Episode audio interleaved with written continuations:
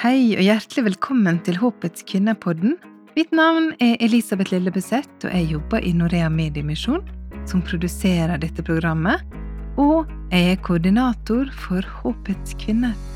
Påska er ei tid for fjell og ferie, ski, Kvikk Lunsj og appelsin. Og heimepåske og kirketid. Sjøl så tilbringer jeg påskedagene i år i barndomsheimen på Sunnmøre, og det er stas. Uansett hvor du er, så hadde jeg lyst til å nå deg med noen gode ord å gå på inn i påskedagene. Fra torsdag til søndag vil forskjellige kvinner som er engasjert i Håpets kvinner på forskjellige måter, reflektere over noe av det som skjedde i påska, og hva det betyr for våre liv.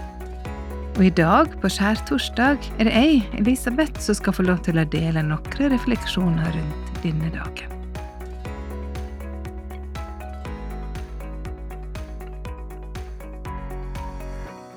Vi kommer inn i historia etter at Jesus har innstifta nattverden, vaska føttene til disiplene, og nå har han gått ut til Oljeberget sammen med disiplene sine og sagt at de alle kommer til å forlate han. Hyllesten av kongen som ble ropt ut for noen dager siden, stilna. Lovsangen som de sang når Jesus innstifta nattverden, likeså. Og fellesskapet som Jesus og disiplene hadde sammen, skulle snart bli bytta ut med en ensom kamp mens disiplene først sover, og så flykter. La oss lese sammen fra Matteus 26, 36.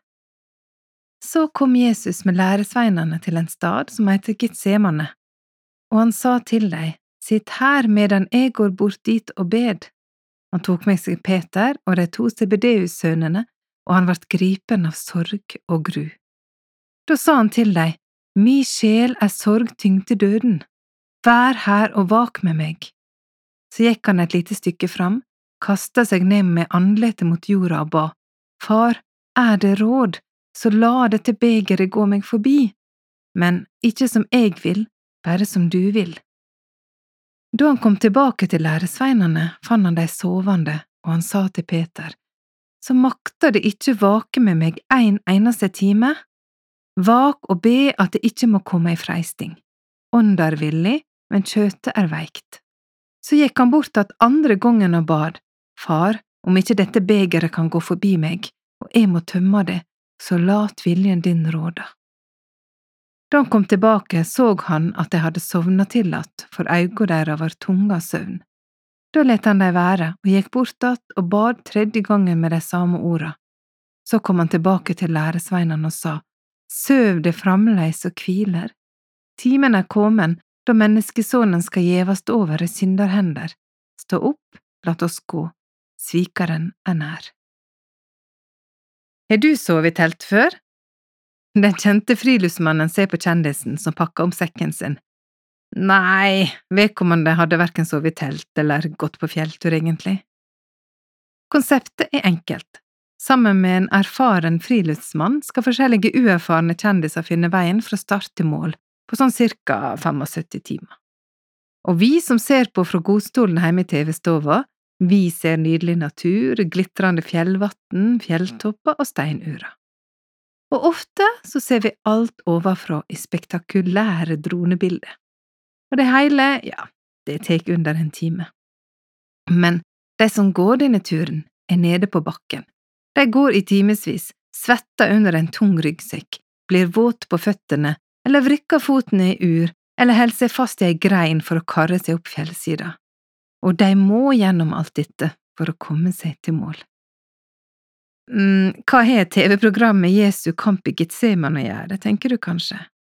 Og jeg skal forklare hvorfor dette programmet har talt til meg om Guds perspektiver, over eget liv og over Getsemane-kampen som Jesus opplevde.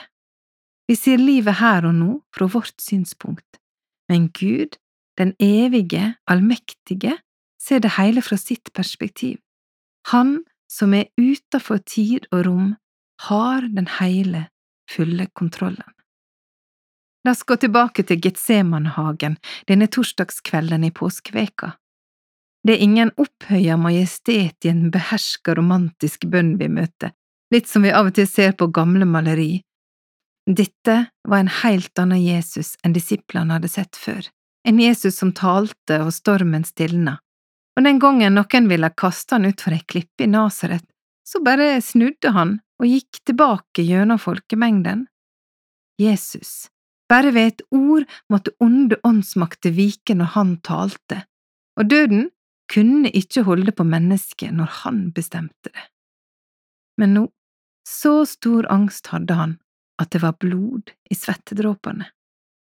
Jesus veit jo hva som venter der framme, han har lenge forberedt disiplene sine på det.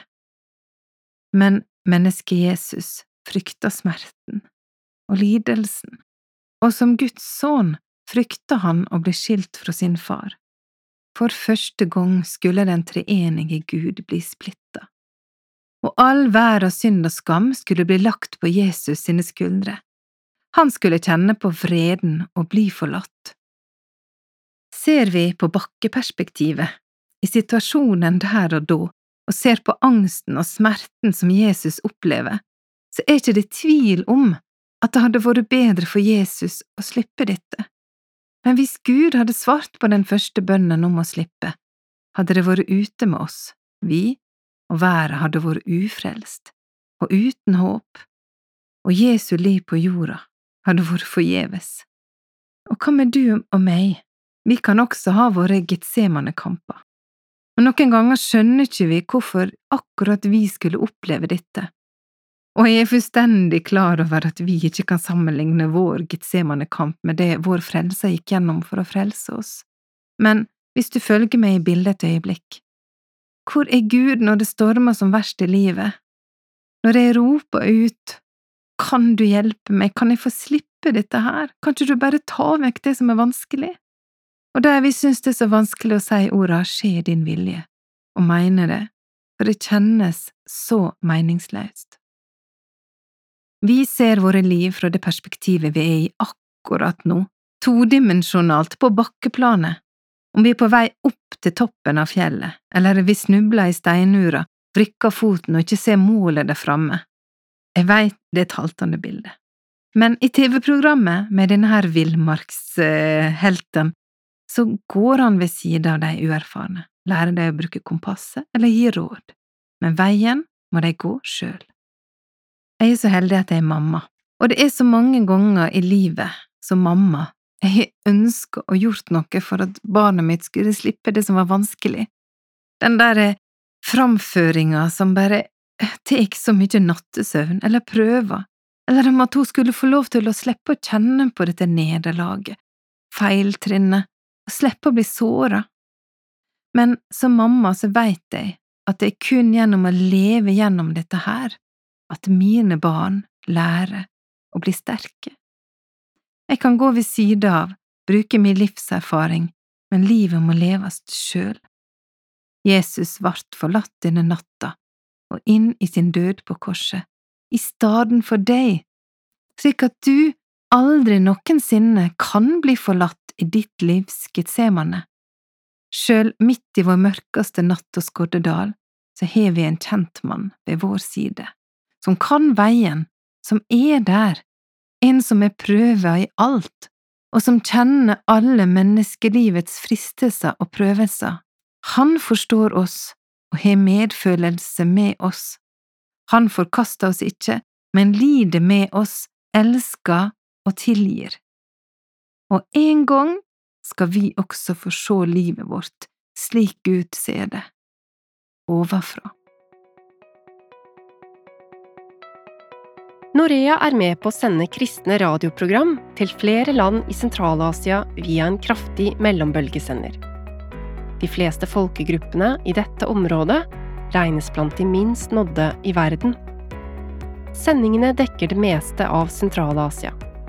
I hele dette området er det vanskelig, for ikke å si umulig, å drive tradisjonell misjon. Norea fikk denne tilbakemeldingen fra en kristen i området. Kjære kristne brødre. Og Gud velsigne dere. Ingen gjør det dere gjør nå. Jeg sier det igjen, og jeg vil nok aldri bli lei av å si det. Ingen av våre pastorer eller ledere kan komme til oss der vi er, om vi hviler eller jobber på åkrene våre, for å undervise oss eller gi oss oppmuntring fra Guds ord. Men dere er der. Minnepinnene med programmene kan vi lytte til når som helst. De kan ikke bli hindret. Jeg er så glad for dette. Ja, det var Merete Bø som la seg sterk tilbakemelding om hva radiosendingene som Norea er med på å sende inn mot Sentral-Asia, betyr. Du lytter til Håpets kvinner-podden, og mitt navn er Elisabeth Lillebøseth. Det å nå unådde med evangeliet er også vår hjertesak i Håpets kvinner, og med den senderen som Merete Bø fortalte om, når vi inn med kvinneprogrammet Håpets kvinner. Og det er svært viktig med kvinneretta program i dette området. Du kan lese mer om kvinneprogrammer i Sentral-Asia på norea.no. Så takker jeg for følget i dag, og håper vi høres igjen i morgen, langfredag. Da er det Torunn Målen som deler sine refleksjoner med oss. Ha det godt!